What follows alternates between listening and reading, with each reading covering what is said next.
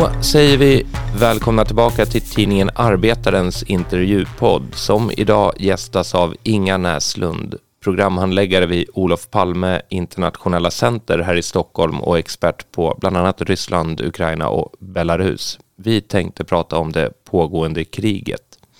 Men Inga, du kanske kan börja berätta, vad är det du gör på Palmecentret? Ja, alltså vi är ju, Palmecentret är ju arbetarrörelsens eh, internationella centrum. Det hette ju eh, AIC, Arbetarrörelsens internationella centrum, men bytte namn då för 25-27 år sedan till Palmecentret.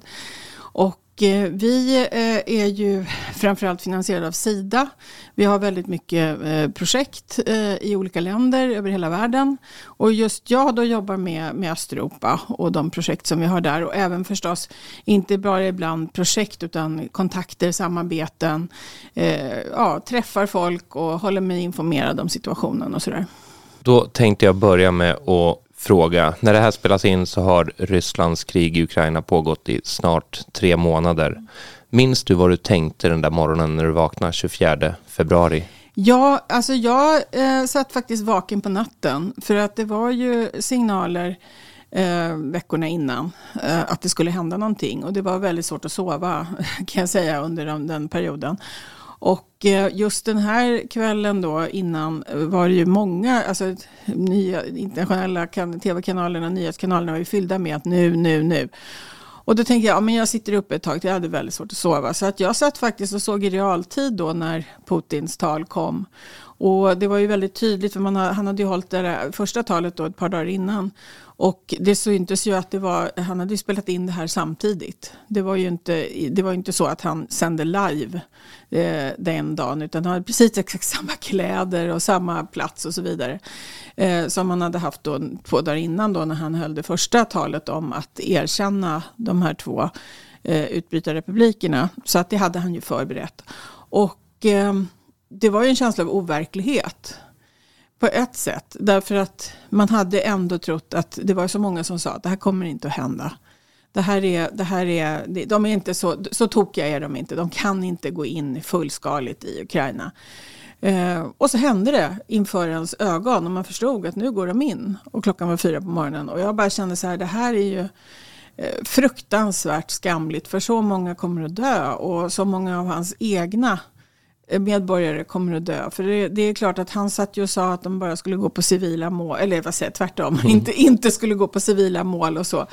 Eh, men det förstår man ju, det, krig är ju krig. Och sen att det skulle bli så blodigt och så brutalt som det sen har blivit. Det kanske man inte ens väntade sig då. Eh, jag vet att vi dagen efter då, på, när, när alla vaknade och visste om det här, då hade vi ett möte på Palmecentret och pratade om hur vi skulle göra. Vi satte igång en insamling och så direkt. Eh, men vi pratade också om vad finns det för scenarier? Hur kommer vi kunna jobba med Ukraina? Och då hade vi två scenarier. Det ena var att landet skulle bli helt ockuperat och det andra var att det skulle bli halvt ockuperat. Och det var de realistiska eh, som vi då såg scenarier. Och eh, nu har det ju inte blivit så utan det är ju, de har ju varit helt Eh, beundransvärda i sitt sätt att försvara sitt land. Men, det, men då såg det inte ut så och då pratade vi utifrån de erfarenheter vi har från Ryssland och Belarus hur vi skulle jobba. Man kan jobba underjordiskt, man, kan, man, kan, man måste vara försiktig så att folk inte utsätts för repressalier och så vidare. Så det var så vi diskuterade då. Sen har ju då de här tre månaderna visat att situationen är en annan. Du, du har ju själv bott i Moskva vad jag mm, förstår. Ja, det har jag. Under ganska lång tid. Ja, eh, jag åkte till Moskva i januari, eh, slutet på januari 1990 för att arbeta som översättare på Radio Moskva. Eh, och det, det kanske, jag berättade det för några för någon dag sedan och då frågade de mig, för jag är ju socialdemokrat och jag har varit aktiv SSU-are, jobbat som SSU-ombudsman på 80-talet och så vidare. Eh, så det var ju inte riktigt kanske eh, så vanligt.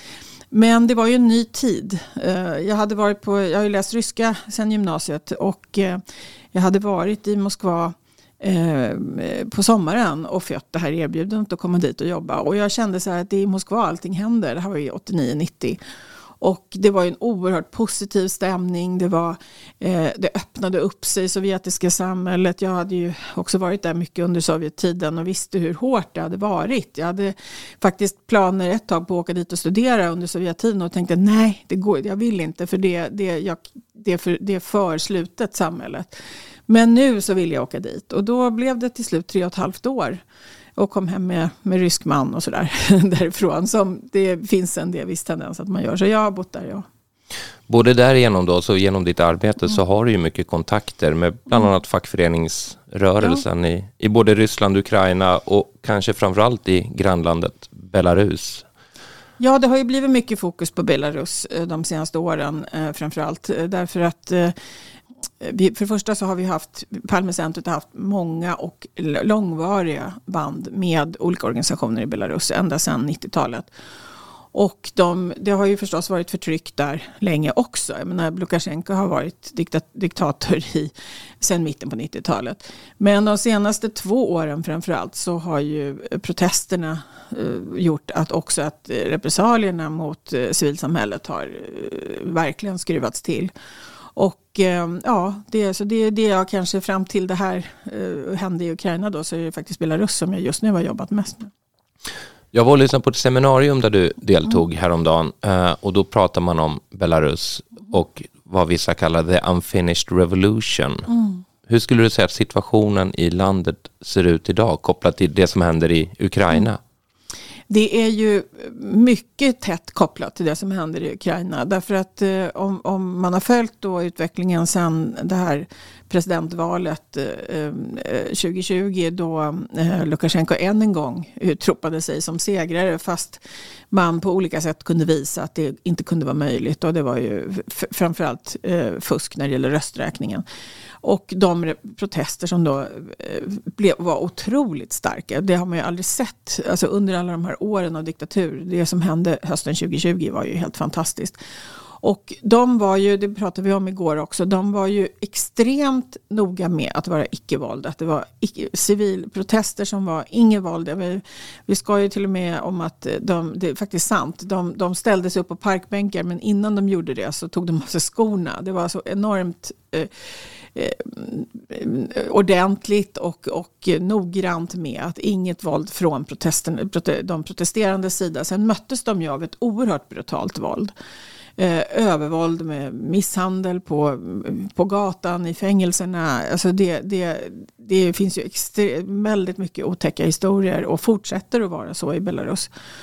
Och eh, eh man hoppades ju då på att den här enormt starka och breda folkliga protesten, helt fredlig, skulle leda till någon sorts förändring i Belarus. Men det det ledde till var ju ännu hårdare förtryck.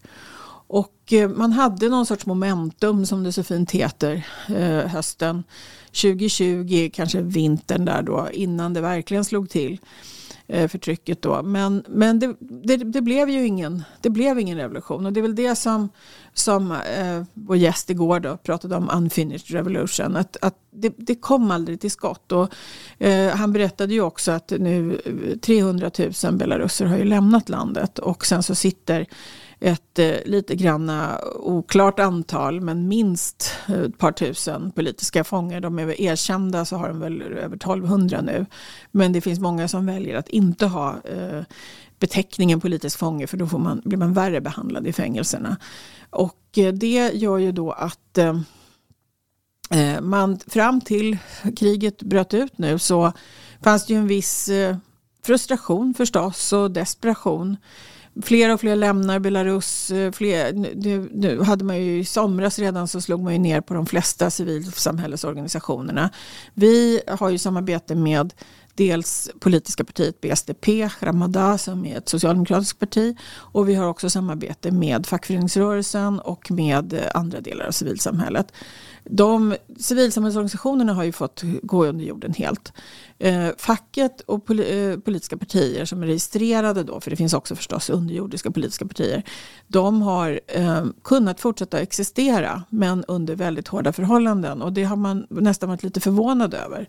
Nu blev det ju en, en eh, stor arresteringsvåg här i april mot de fackliga organisationerna, alla de oberoende facken eh, råkade ju illa ut då och det är ju över 20 personer nu som sitter arresterade. Några sitter till och med hos KGB och det innebär ju eh, långa fängelsestraff.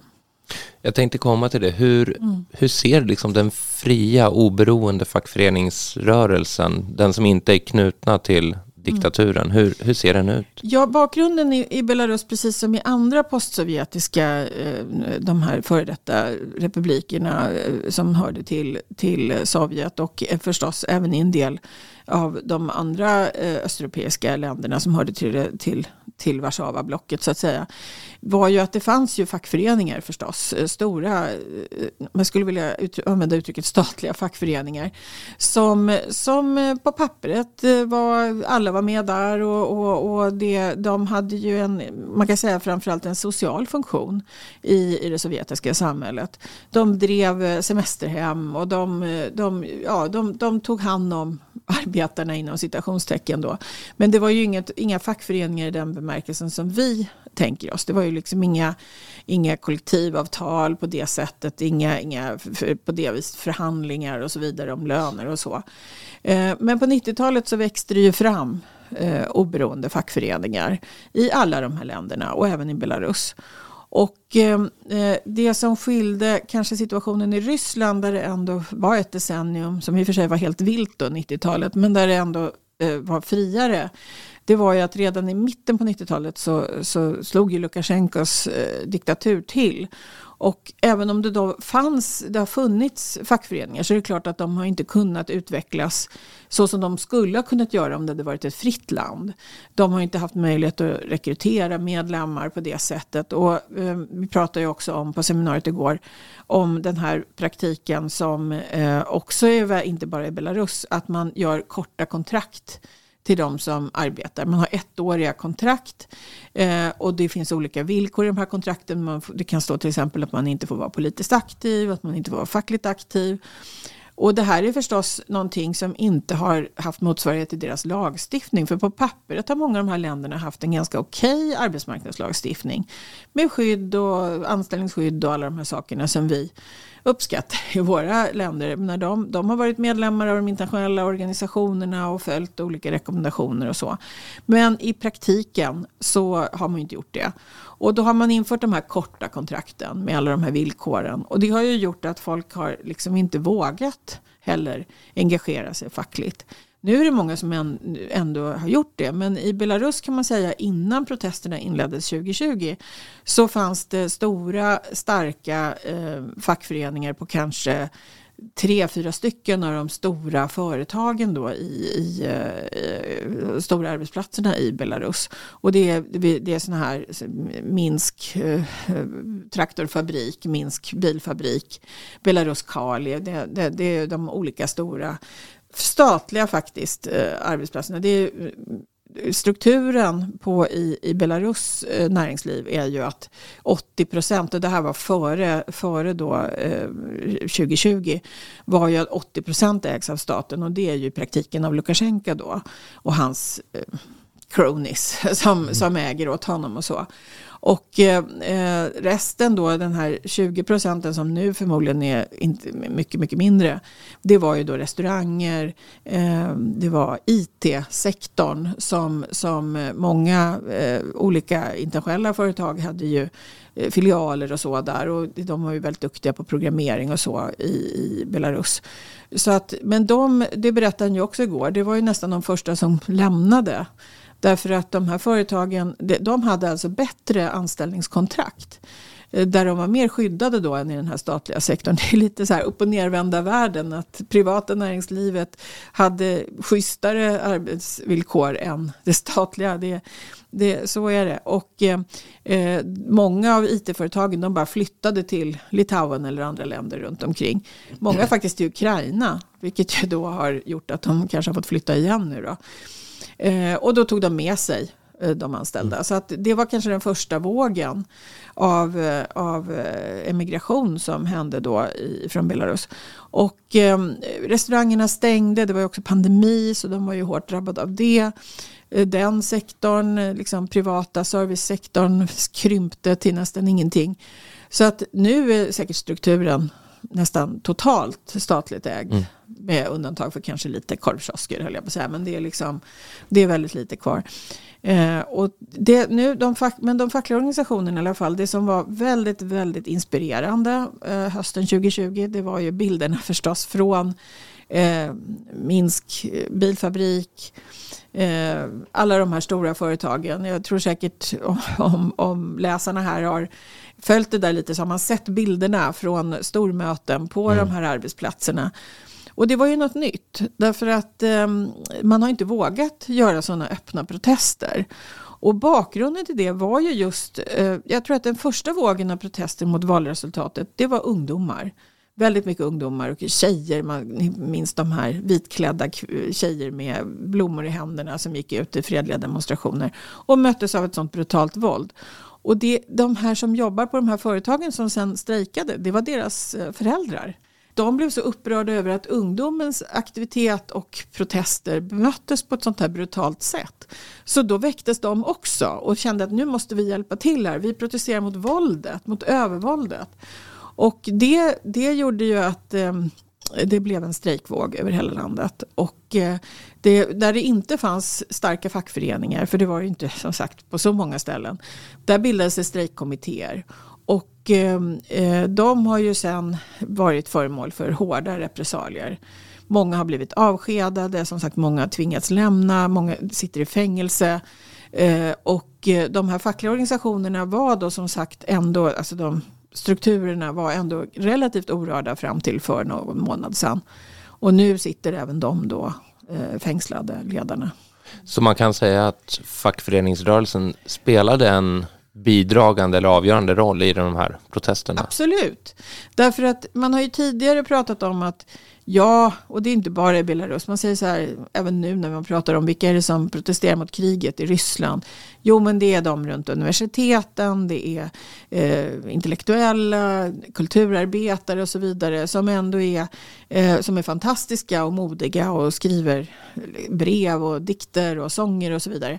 Men det är ändå en liten del av befolkningen och i Belarus har ju alltid Lukasjenko sagt att ja, ja, det är de där, men alla de andra stöder mig. Alla på landsbygden, han är ju från en kolkos, sovkos faktiskt mm. från början, han är ju lite bonde ledde ett, bonde, ett, ett, lantbruksföretag kan man säga. Så han är så här, men de på landet, de stöder mig. Så har Lukasjenko varit. Och även förstås eh, arbetarna. Han säger, ja men jag har stöd bland arbetarna. Har han sagt. Sen är det inte säkert att det har varit så. Men det här eh, proteströrelsen visade ju verkligen att det var fel. Det var folk över hela landet som var, ville ha bort honom. Och det blev ju särskilt tydligt. Sen ska man ju inte även underskatta effekten av strejker och vad det slår, hur det slår mot ekonomin. Och hela Belarus blev ju också väldigt snabbt eniga om att de ville ha sanktioner även om det skulle betyda eh, förlust av jobb och förstås ekonomisk eh, katastrof för landet. Eh, det här var ju väldigt diskuterat ehm, även utanför Belarus. Skulle, vad har sanktioner för effekt? Eh, skadar det inte mer än det hjälper och så vidare. Men det, nu har ju, som tur är skulle jag vilja säga, kriget i Ukraina ändrat hela den bilden. Och de sanktioner som man har infört mot Ryssland, de har ju i de allra flesta fall också införts mot Belarus. Och det kommer ju i längden också få effekter i Belarus. Någonting jag tycker är intressant som det inte har pratat så jättemycket om, åtminstone inte här, det är att eh, finns någon slags pånyttfödd partisanrörelse ja. inne i Belarus. Och det, Belarus är ett land som har en lång tradition av det, inte minst mm. sedan andra världskriget och när tyskarna var där, Nazityskland var där. Eh, vi har bland annat hört om belarusiska järnvägsarbetare som har eh, utfört sabotage mot ryska tågförflyttningar.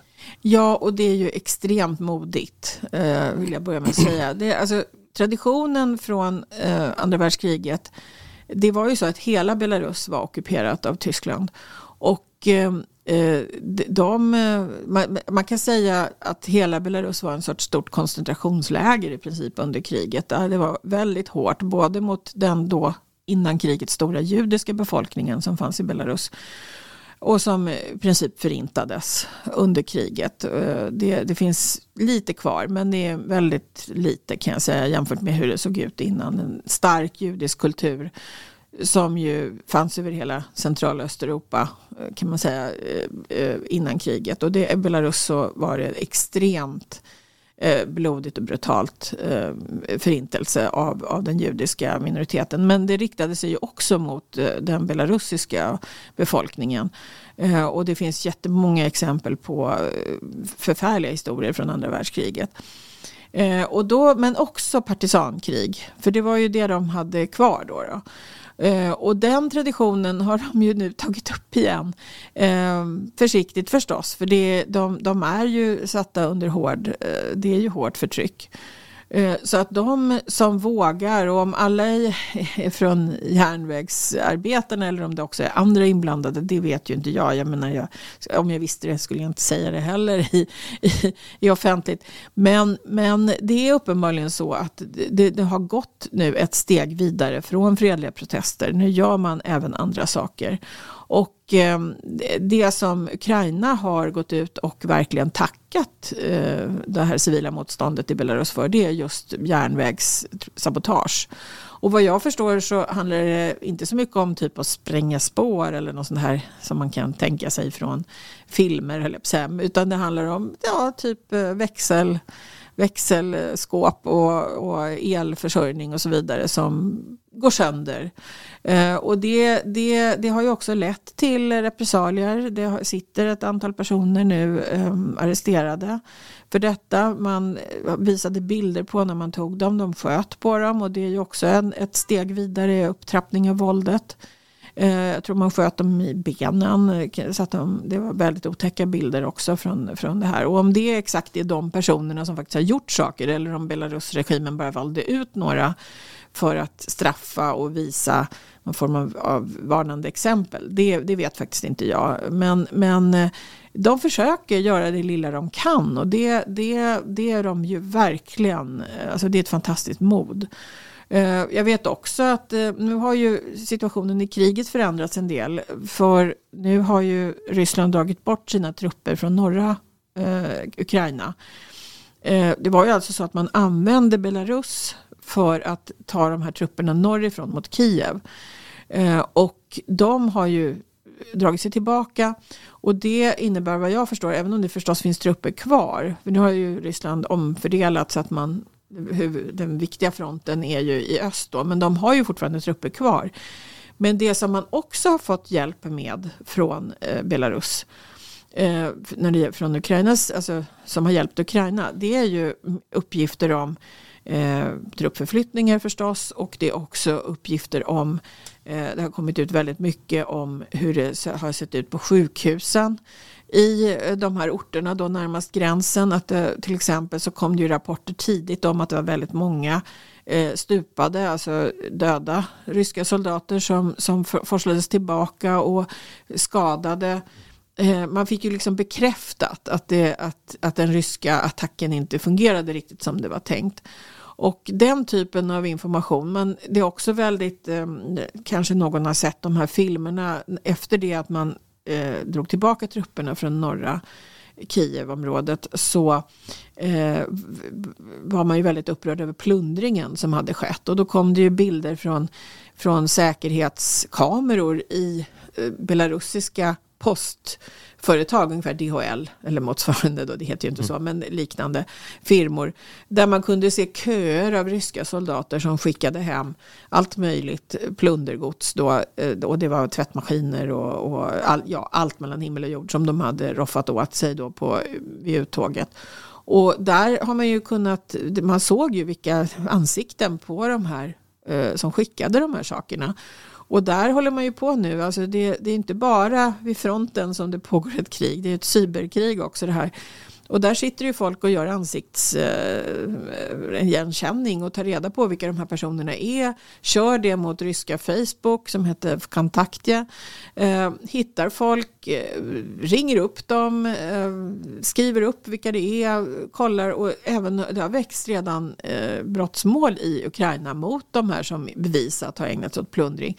Jag, må, jag måste också fråga, trots Belarus och den stats och regimkontrollerade medien Får folk tillgång till uppgifter om vad som händer i kriget? Ja, alltså det är en helt annan situation i Belarus än det är inne i Ryssland. Därför att det, det eh, Belarus har ju ändå, för det första så ligger de närmare eh, väst på många sätt.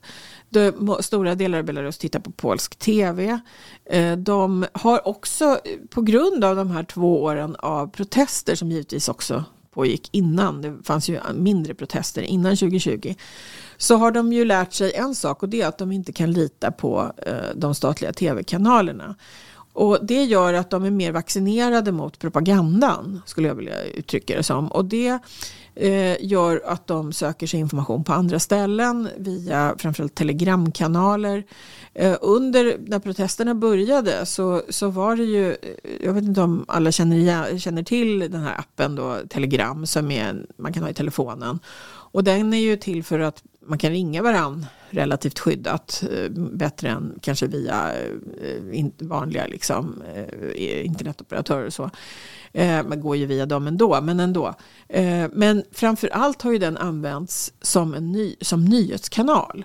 Och mm, det har ju lett till någonting som jag brukar kalla för medborgarjournalistik. Det vill säga att var och en kan rapportera vad den ser. Med hjälp av mobilkameran så kan man filma den lokala lilla protesten Eh, eller övergreppet. Eh, fotografera misshandelsskador på en person som kommer ut från polisen. Lägga upp det i telegram. Tala om att min bror, min man, han blev misshandlad på det här sättet av det här datumet av den här polisen. Och det har ju varit en, det, det, är en rörelse i sig, en proteströrelse i sig som har varit helt fascinerande. Jag menar, när protesterna bröt ut i eh, Belarus. Då satt ju jag i Stockholm, jag, jag var inte där. Eh, och jag kunde inte åka, det var pandemi, man kunde inte åka dit. Men jag kunde ändå i, i realtid följa på ett sätt som jag tror aldrig hade varit, eller jag vet att det inte hade varit möjligt ens för tio år sedan att göra. Och det här har man ju nu tagit med sig till Ukraina-kriget. De här telegramkanalerna är väldigt aktiva nu när det gäller kriget. Eh, och det har förstås i Ukraina startats enorm mängd med kanaler också. Eh, och det gör ju att eh, belarusiska befolkningen i stort har mer information om vad som egentligen händer än vad ryssar i allmänhet har.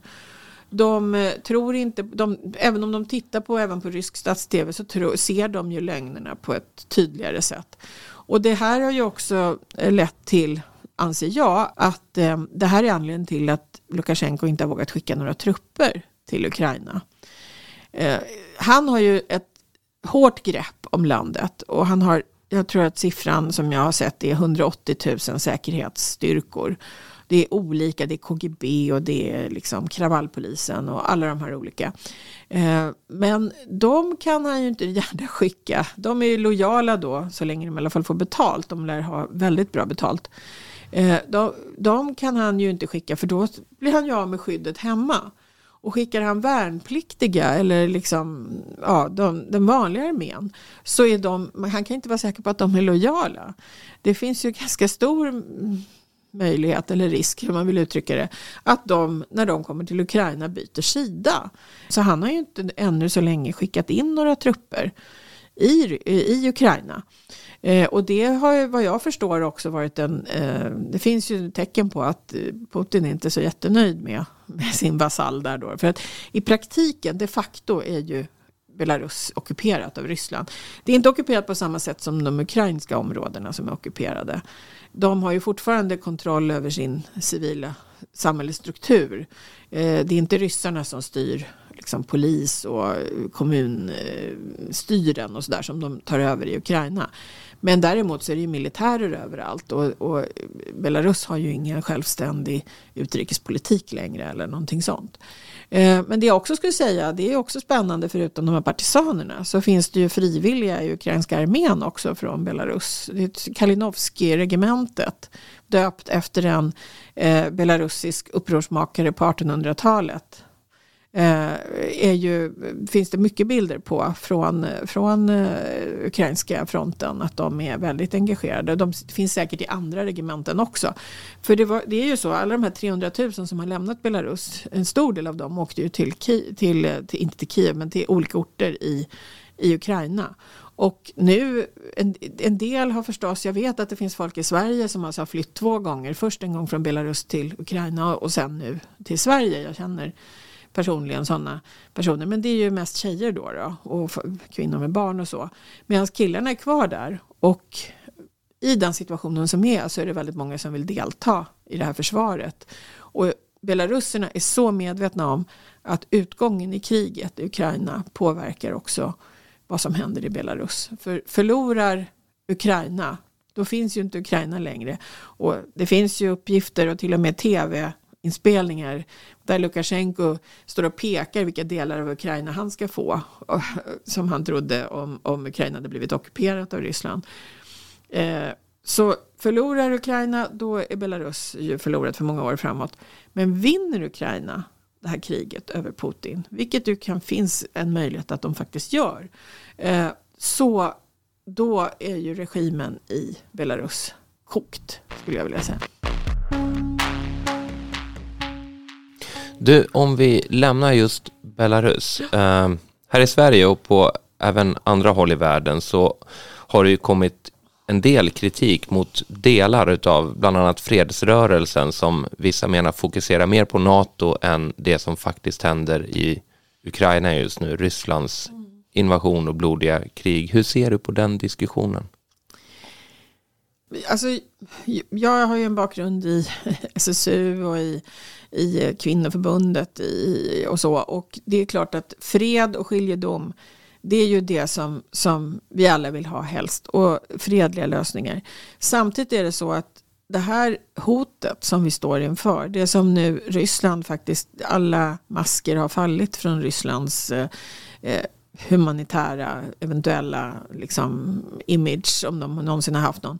Eh, det innebär, alltså det är ju, det, det, här är inte frågan om vänster och höger, det här är frågan om fascister. Alltså. Och eh, det, det, det, tycker jag är en stor, en märklig sak. Att det fortfarande finns folk inom fredsrörelsen och kanske också inom, eller jag ser det, inom svenska vänstern som tror att Putin står för någon form av, av eh, progressiv vänsterrörelse. Det har han aldrig gjort för det första. Han är gammal kgb -are. Han står för en hård eh, sovjetisk diktatur. Och det finns ingenting kvar. Jag menar om man någon gång, nu är jag som sagt socialdemokrat så jag kanske inte har så mycket till övers för kommunismen. Men det finns ingenting kvar i Putins regim som är någon form av kommunistiska ideal eller så. Han, han använder sovjetiska symbol, eh, vad ska man kalla det för, Sy symbolfigurer, Stalin och så, eh, för att tilltala en del av befolkningen i Ryssland och försöka övertyga dem om att det här är Sovjetnostalgin, han använder den. Den där tiden när allting var tryggt och man visste att man hade jobb och så vidare och så vidare. Men det är ju bara en fernissa. Han använder också ryska kyrkan väldigt aktivt i samma, på samma sätt, alltså för att övertyga folk om att han ska ha makten. Eh, att tro att han står för någonting positivt, det är oerhört naivt. Och det, det, det, upp, det, det gör mig upprörd. Sen förstår jag fredsrörelsen. Man, det är inte, det, jag blir ju förvånad ibland över mig själv nu när jag hejar på eh, Ukraina och tycker att ja, men bra, de har drivit bort de här ryssarna. Det har, de, deras siffror ser bra ut och så vidare. Det är ju ändå siffror, det är ändå döda människor. Det är döda unga ryssar. Jag själv gift med en ryss, jag har en halvrysk son. Det är oerhört sorgligt alltihopa. Och det var ju det som jag tänkte när jag hörde Putin säga att han skulle gå in. Att hur många unga ryssar kommer att dö i det här kriget och det är skamligt. Sen kan man inte säga att det bara är Putins krig. För att han har ju dragit med sig de enskilda ryska soldater har ju också ett ansvar att inte lyda order när de ska få order eller eh, möjlighet säga, att, att skjuta folk och plundra folk och våldta. Eh, så de har ju också ett ansvar. Man behöver inte lyda order. Och det finns ju faktiskt de som inte lyder order också. Som deserterar och som så. Men jag kan ju känna så här när du frågar om fredsrörelsen. Att de lever kvar i en verklighet som fanns innan 24 februari. Och då, det som jag tror vi måste fokusera på nu det är ju att hålla Norden kärnvapenfri. Eh, och Östersjön så gott det går kärnvapenfri. Och att vi står för det, och det har ju Norge och, och, Danmark och så vidare, det är ju ett gemensamt nordiskt projekt skulle jag vilja säga. Sista frågan då, den är väl inte så enkel, den är ganska svävande. Vad tror du om utvecklingen? Det finns ju två spår här nu då, just nu. Ett, ett långvarigt, kanske lite mer lågintensivt krig, eh, sorts skyttegravskrig i östra Ukraina, eh, som kanske kommer att hålla på flera år. Det, det är den ena, så att säga, det är det ena scenariot. Eh, och det känns ju ganska eh, jobbigt att tänka på att det här skulle ta så lång tid. För det är ju det, redan det lågintensiva, vad ska kalla det för, krig som redan har varit sedan 2014 har ju inneburit många döda. Och det kommer ju även ett sånt här krig att innebära i längden. Eh, det andra är ju att Ryssland faktiskt kommer att falla ihop. Eh, det är ju trots allt så att det finns en hel del signaler om att sanktionerna fungerar. Att man eh, inte kan riktigt bygga sina fina missiler och allt vad det heter eh, längre. För man saknar eh, delar som annars skulle, och även ekonomin i stort håller på att falla ihop. Jag brukar ju prata om det här med kampen, det, det är inte jag som hittar på det, utan det är ju en rysk diskussion där man säger eh, kampen mellan kylskåpet och tvn. Där tvn står för propagandan, eh, den officiella linjen och så vidare som man tror på så länge som det finns mat i kylskåpet. Men den dagen då ryssarna inte har mat i kylskåpet, när man inte kan antingen eh, inte ha pengar för att köpa eller inte kan köpa som det var på Sovjettiden, man hade pengar men det fanns liksom ingenting att handla. Då eh, slutar man att tro på tvn. Och då blir det ju ett annat läge, även om det inte är ett demokratiskt land och det, på det viset att man kan gå och rösta bort Putin i nästa val, för så enkelt är det ju inte heller. Men det är ändå så att man är ändå känsliga i Kreml för folkopinionen. Och redan nu så är det ju saker, vi pratar om civilt motstånd i Belarus, men det händer ju mycket bränder i Ryssland just nu. Jag tror i och för sig att många av dem är olyckor, men de händer på väldigt strategiska ställen. Det är militärindustrianknutna eh, eh, anläggningar. Eh, det, är, det, det, var ett helt uppenbart attentat mot ett, värn, ett sånt här värnpliktsinskrivningskontor i, någonstans i Ural eh, häromveckan. Där de som hade gjort attentatet skickade ut bilder på att de hade gjort det. Så där, där fanns ju någon form i alla fall av bevis på att det faktiskt inte var en olycka. Eh, och det händer saker som inte riktigt går att förklara bort med att slarv eller rökning eller vad det nu kan vara. Så att det finns ju ett motstånd där också. Det dyker upp runt om i Ryssland eh, graffiti överallt sådär som är anti-Putin. Eh, små, små grejer. Det, det, de har ju väldigt svårt att göra eh, demonstrationer och så, för de tar ju alla. Det är många som har blivit fängslade där också nu. Men det är ändå så att det lever. Sen det största hotet tror jag mot en sån utveckling i Ryssland det är ju också att folk lämnar. Det sägs ju att det är tre miljoner ryssar som har lämnat landet på de här månaderna av eh, krig. Och det, det, det är ju Rysslands olycka. För ända sedan 90-talet har det varit en enorm eh, brain drain.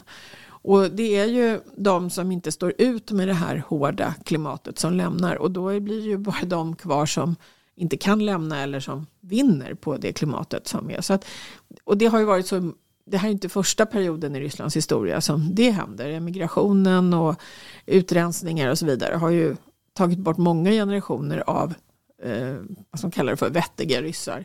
Så det är förstås ett hot. Men sanktionerna verkar.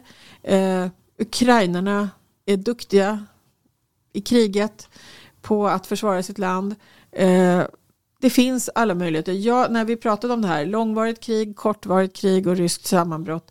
Jag, jag håller inte för omöjligt att Ryssland faktiskt kan falla samman inom en närmare framtid, i alla fall än flera år.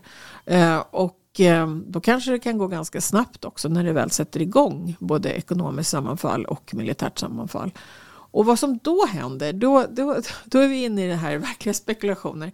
Vad händer med Ryssland när Putin verkligen förlorar kriget och måste stå för det inför sina medborgare och har gjort bort sig? Det är klart det finns skrämmande alternativ med kärnvapen och så vidare och så. Det, och, men det, det ska man förstås inte eh, liksom låtsas som att det inte finns. Men det är ju ändå så att han är inte, det är inte han själv som avfyrar kärnvapen. Han trycker kanske på någon symbolisk knapp, men det är ändå andra människor inblandade i det. Och vad som någon sa så här, okej, okay, han kanske är jättesjuk och är döende och allt vad det är. Det finns ju många spekulationer runt det. Men han har ju barn och barnbarn. Så att man kan ju hoppas på, min ryske man sa det, vi hoppas på att han älskar sina barnbarn. Så kanske inte, han inte liksom förintar världen riktigt nu. Inga Näslund, stort tack för att du var här. Tack så mycket för att jag fick komma. Och vill man höra fler poddar från oss så går det bra att gå in på arbetaren.se.